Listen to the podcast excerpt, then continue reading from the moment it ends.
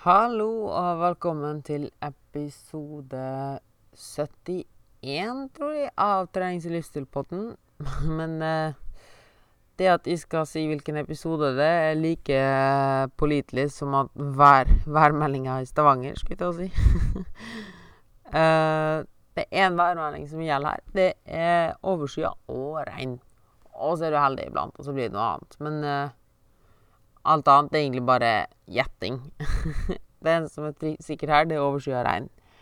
Og like sånn sikkert er det at du skal få en ny episode av Trening og livsstilpodden, eller Garderobeprat med Moritz. I dag eh, tenkte jeg å snakke om hvordan du rett og slett kan spise på en Eller en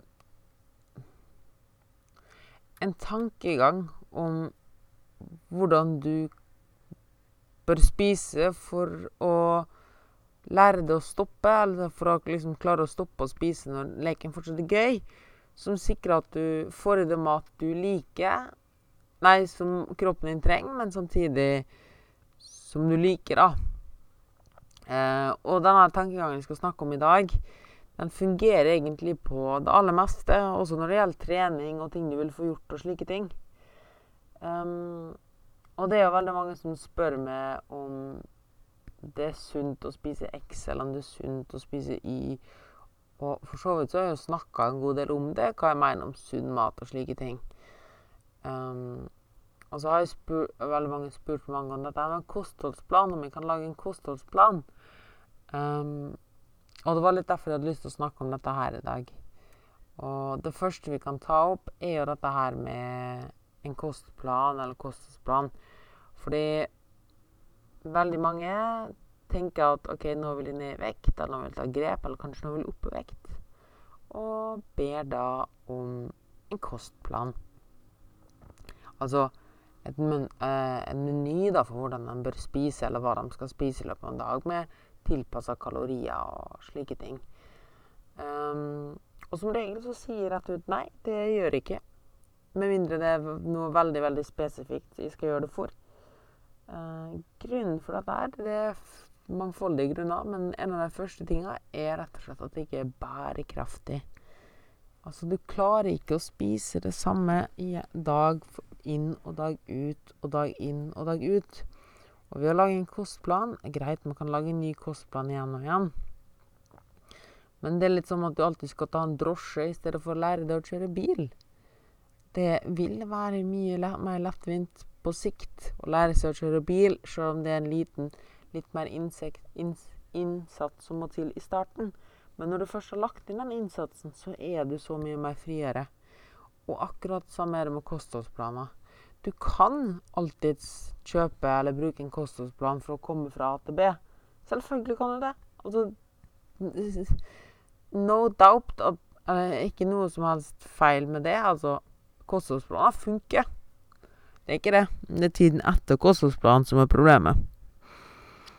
Det er litt som at du tar taxien fra A til B, altså, men da, så er du avhengig av en ny taxi for å komme fra B til C. Og det er kanskje ikke en slik situasjon vi vil sette oss inn der vi alltid er avhengig av taxier. For iblant så er ikke taxier tilgjengelig. Samme som at iblant er ikke kostholdsplanen tilgjengelig. Og iblant så er du steder der den kostholdsplanen du har, ikke funker. Og ikke minst så er det Det er dyrt. Og det vil si at kostholdsveiledning, det jeg tilbyr, og mange andre tilbyr, det koster penger, det òg. Ja. Det samme gjør det å ta lappen.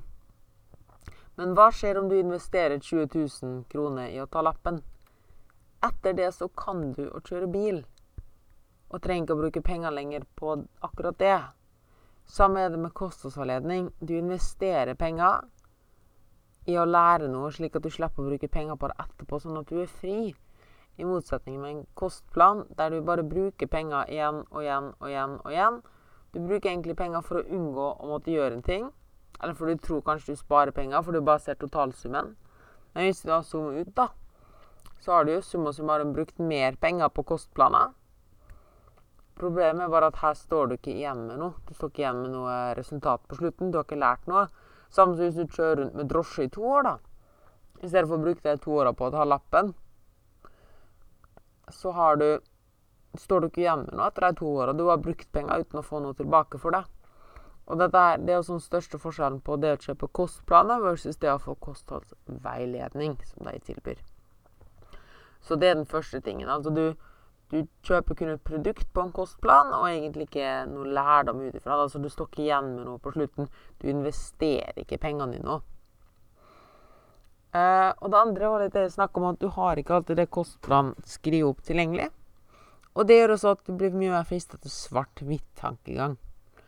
Fordi til tross for at en kostplan er lettere å gjennomføre, med tanke på at eh, du bare spiser X, spiser inn og forteller akkurat hva du skal spise, og du slipper å tenke på det, som en meny, på en måte, så gjør det også at du skrur av hjernen ditt. Og ikke må ta valg og avgjørelser sjøl. Og når du da kommer i en situasjon der du sjøl må ta valg og avgjørelser, så blir du kanskje litt satt ut, for det er noe du ikke er vant med. Hvis kostholdsplanen din f.eks. sier at du skal spise knekkebrød med skinke og paprika til frokost, men så er du på ferie på Rodos, og der er det ikke knekkebrød med skinke og paprika til frokost. Du spiser kanskje omelett. Da er det fort gjort å tenke ja, men fuck it, når jeg ikke har fått gjennomføre første del av planen, er det ikke vits å følge resten av planen. Så vi kaster hele planen i dass. Versus det at du lærer deg med en kostholdsplan hva du kan spise til frokost, og hvordan en god frokost for det bør bli satt sammen, som gjør at du egentlig kan ta dette valget om hva som er en god frokost, uansett hvor det er. Om det er på Rodos eller om det er hjemme, så kan du med de verktøyene du har lært, eh, ta en god avgjørelse og fortsette å ta gode avgjørelser resten av dagen. Fordi du har lært noe i stedet for bare å følge en plan. Så ja, det krever mer med kostholdsveiledning. Det krever mer av det som person. Men det er også det som skaper langvarig endring. Det er det som gjør at du får til noe på sikt, fordi det er du som tar eierskap til det. Det er du som forstår ting. Og her kommer også litt inn dette her med den svart-hvitt-tenkinga. Har jeg drodler generelt om kostholdsplaner, og hvorfor jeg ikke syns de er så bra. Um, dette her gjelder også uh, Eller generelt så har den filosofien da at det er bedre å lære noe ordentlig og legge inn litt in ekstra innsats for å så kunne det, i stedet for å alltid gå for den lettvinte løsningen som ikke gir det noe på sikt. Fordi ja, en kostholdsplan er lettvint og grei der og da, men det funker ikke på sikt. Så det jeg jobber med i min kostholdsveiledning f.eks., er å lære kunden, eller klienten, å spise på en måte som de liker, som funker i hverdagen deres, og som fører til resultat. Så i stedet for å presse Du kan tenke på det å følge en kostholdsplan. Det er litt som å presse noen inn i en boks. Mens det å ha kostholdsveiledning iblant, sånn som vi prøver å gjøre det, det er å lage en boks som passer til klienten. Som gjør at den når målene sine på en god og trivselsbasert måte. Og som gjør at når du da har nådd målet ditt, fortsatt har lyst å fortsette. Fordi hva skjer når du er ferdig med en kostholdsplan? Da står du igjen, da. Men du har jo ikke lært noe igjen. Du, du, du vet ikke hvordan du skal spise etterpå. Skal du følge samme kostholdsplan resten av livet, da? Eller skal du alltid kjøpe nye kostholdsplaner når du vil oppnå noe? Hva med heller lære seg å lage egne kostholdsplaner når som helst? Eller ikke lage kostholdsplaner engang, men bare planlegge dagen din. Og det er det første punktet jeg har lyst til å snakke om i dag. Det er Eller hva vil si første punktet, men det er det jeg ville snevre inn gjennom kostholdsplan og hvordan jeg har kostholdsveiledningene mine, versus det å ha en kostholdsplan. Det er at jeg hjelpe klienter, som sagt, å lage, finne gode verktøy og strategier i hverdagen for å ta gode valg som passer, som står til rette med klientens mål og klientens behov og preferanser. Og en av de tipsene jeg pleier å gi, da, det er at du planlegger dagen din best mulig. Og gjerne på forhånd. Og, hvor, og en og at du gjerne planlegger så mye som mulig. Og en god tankegang pleier å si til folk da, og hvordan de bør tenke når de skal lage en plan Fordi veldig mange blir overvelda av hvordan de skal planlegge ting. Det er at du kan tenke på det å planlegge dagen din, eller kostholdsdagen din, da, som å innrede et hus, eller bygge et hus. Og det er at når du bygger et hus, så vil du i starten få på plass det mest grunnleggende. Så varmekabel, parkett, vegger, strøm Kanskje kjøkkeninnredning og slike ting. Dette er ting du må ha på plass for at du kunne, kunne leve i dette huset. Um, men det er gjerne ikke ting du vil kaste bort altfor mye penger på. Sånn, hvis du må ha fliser på badet, så Så vil du ikke sløse bort penger på å f.eks. kjøpe håndlagde fliser med små håndmaleri på. Det er sånn, Ja, det er kvalitet og alt dette her, men det er kanskje ikke der vi skal bruke pengene våre. Um, fordi desto smartere valg du tar for det grunnleggende, altså hvis du har et budsjett på x antall kroner, desto smartere valg du tar på det grunnleggende, som fortsatt er kvalitet, for vi vil ha kvalitet. Det hjelper ikke å bare kjøpe First Price-flise, hvis det finnes. og alt av det aller billigste. Vi vil ha en, et godt forhold mellom kvalitet og pris. Det beste forholdet. Most bang for your buck. Og sånn Hvis vi gjør det, da, valg gjennom hele dagen eller hele veien vi innreder hus, og vi har satt på plass det grunnleggende, så står vi gjerne igjen litt penger. Et budsjett. Og de pengene kan vi da bruke på unødvendige ting. Som vi ikke trenger, men siden vi har budsjett til det, så kan vi kose oss litt. Så det er disse her tingene som gir livskvalitet og glede. F.eks.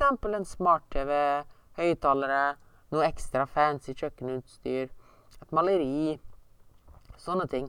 Og desto flinkere og smartere vi har vært på husinnredninga vår ellers, desto mange gode valg vi har tatt, altså der vi får mest bang for a buck, desto mer spillerom har vi for sånne ting som gir livskvalitet og glede. Og hvorfor driver i helvete driver og snakker om et hus nå? Jo, for du kan tenke på akkurat samme måte når du setter opp kostholdet ditt. Det første du bør ha på plass, det er det grunnleggende. Det er det kroppen din trenger. Frukt og grønt, magert protein, fullkorn, fiber, vitamin og mineral. Alt dette her, det er ting kroppen din trenger. Um, og her vil du tenke på samme måte som du innreder huset vårt.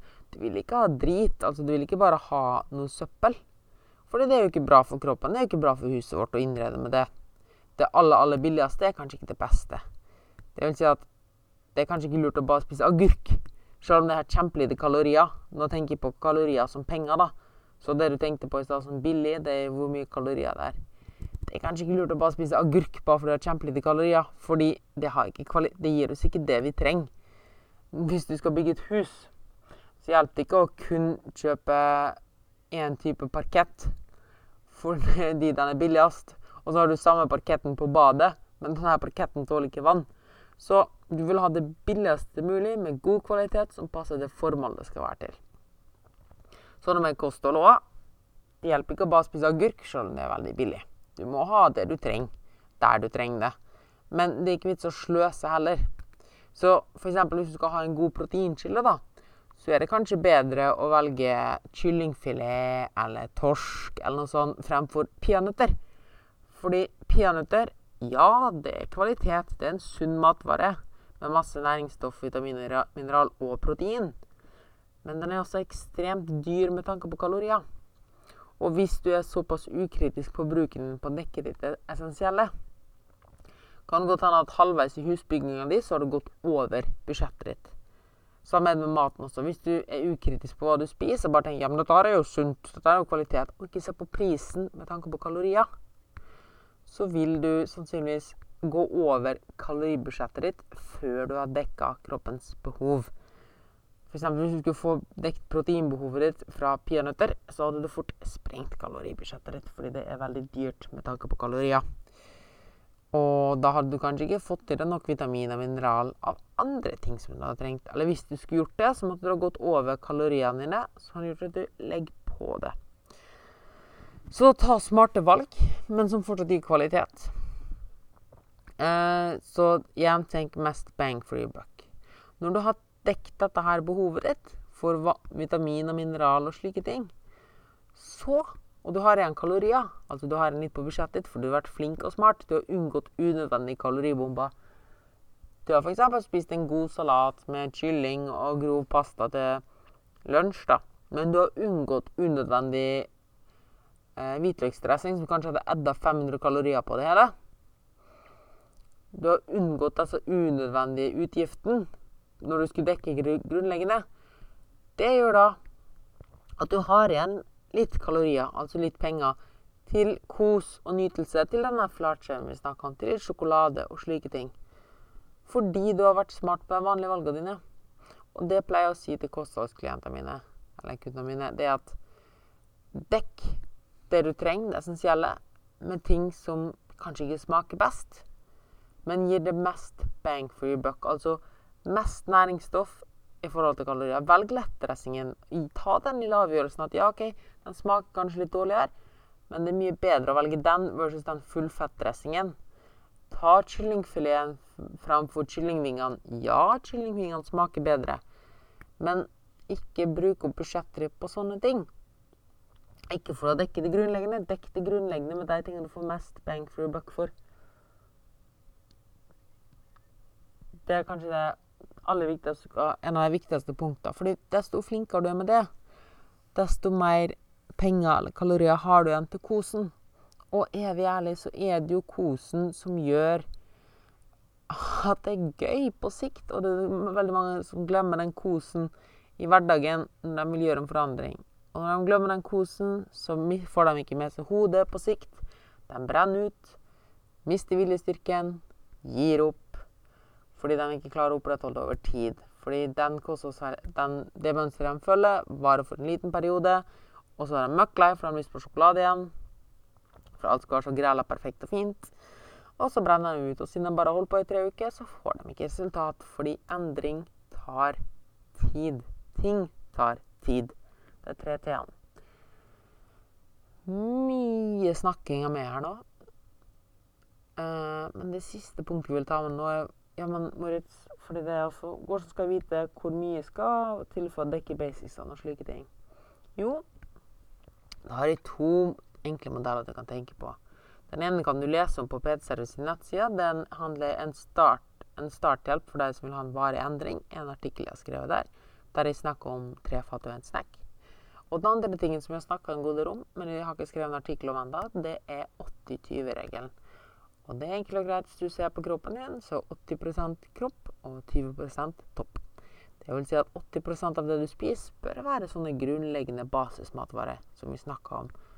80% av budsjettet ditt bør gå med på slike ting. Altså fliser, strøm, kjøkken, sånne ting, da. Det vil si magert protein, fullkorn, frukt og grønt og slike ting. Mens 20% av det du spiser, bør gå til toppen. Altså kose ting som gjør at du koser deg og nyter tilværelsen din. Sjokolade, snacks, smågodt og slike ting. Og hvis du følger den regelen her, fordi det er veldig mange er redd for, det og da at ja, men de kan ikke spise sjokolade, snop og sånne ting, for de klarer ikke å stoppe.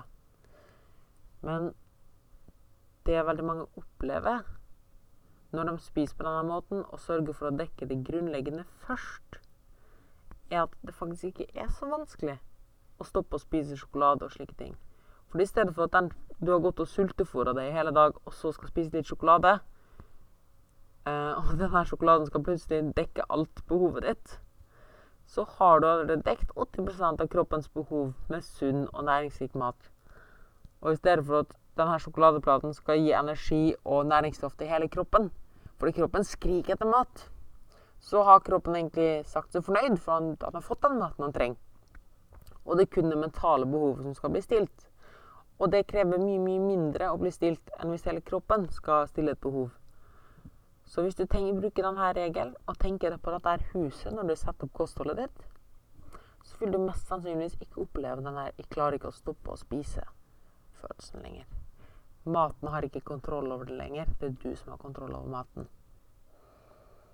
Oppsummert kostholdsplaner skitt, med mindre det er en veldig veldig spesiell anledning, at du skal på ei scene eller skal gjøre klart et eller annet, og du har Du kan bruke en kostholdsplan som et verktøy. Det kan du. Eh, men du bør forstå tanken bak kostholdsplanen, og ikke bare følge en kostholdsplan blindt.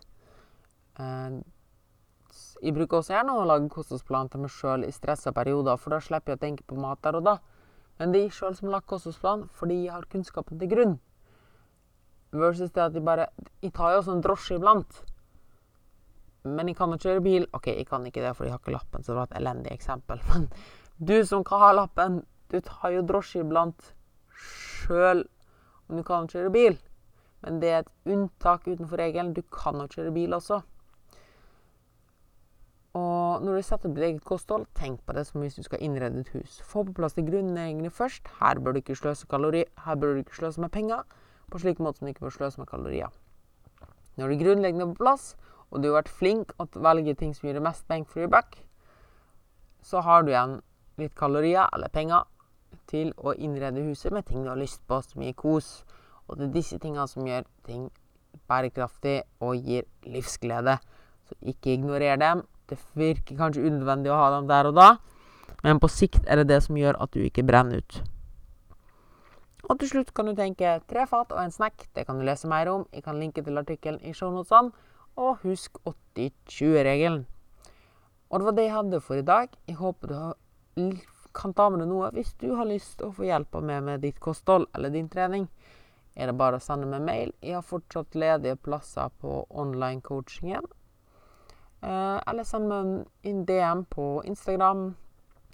Eller som sagt en mail på moris.ptservice.no. Og helt til slutt, hvis du likte denne episoden, så setter jeg kjempestor pris på feedback. Og del den gjerne i storyen din på Instagram, Facebook eller et eller annet sted. Eller send den til venn eller familie. Og hvis du har spørsmål, er det selvfølgelig bare å sende inn dem òg. Og med det så har jeg å si gå og ha en awesome uke. Tudelu!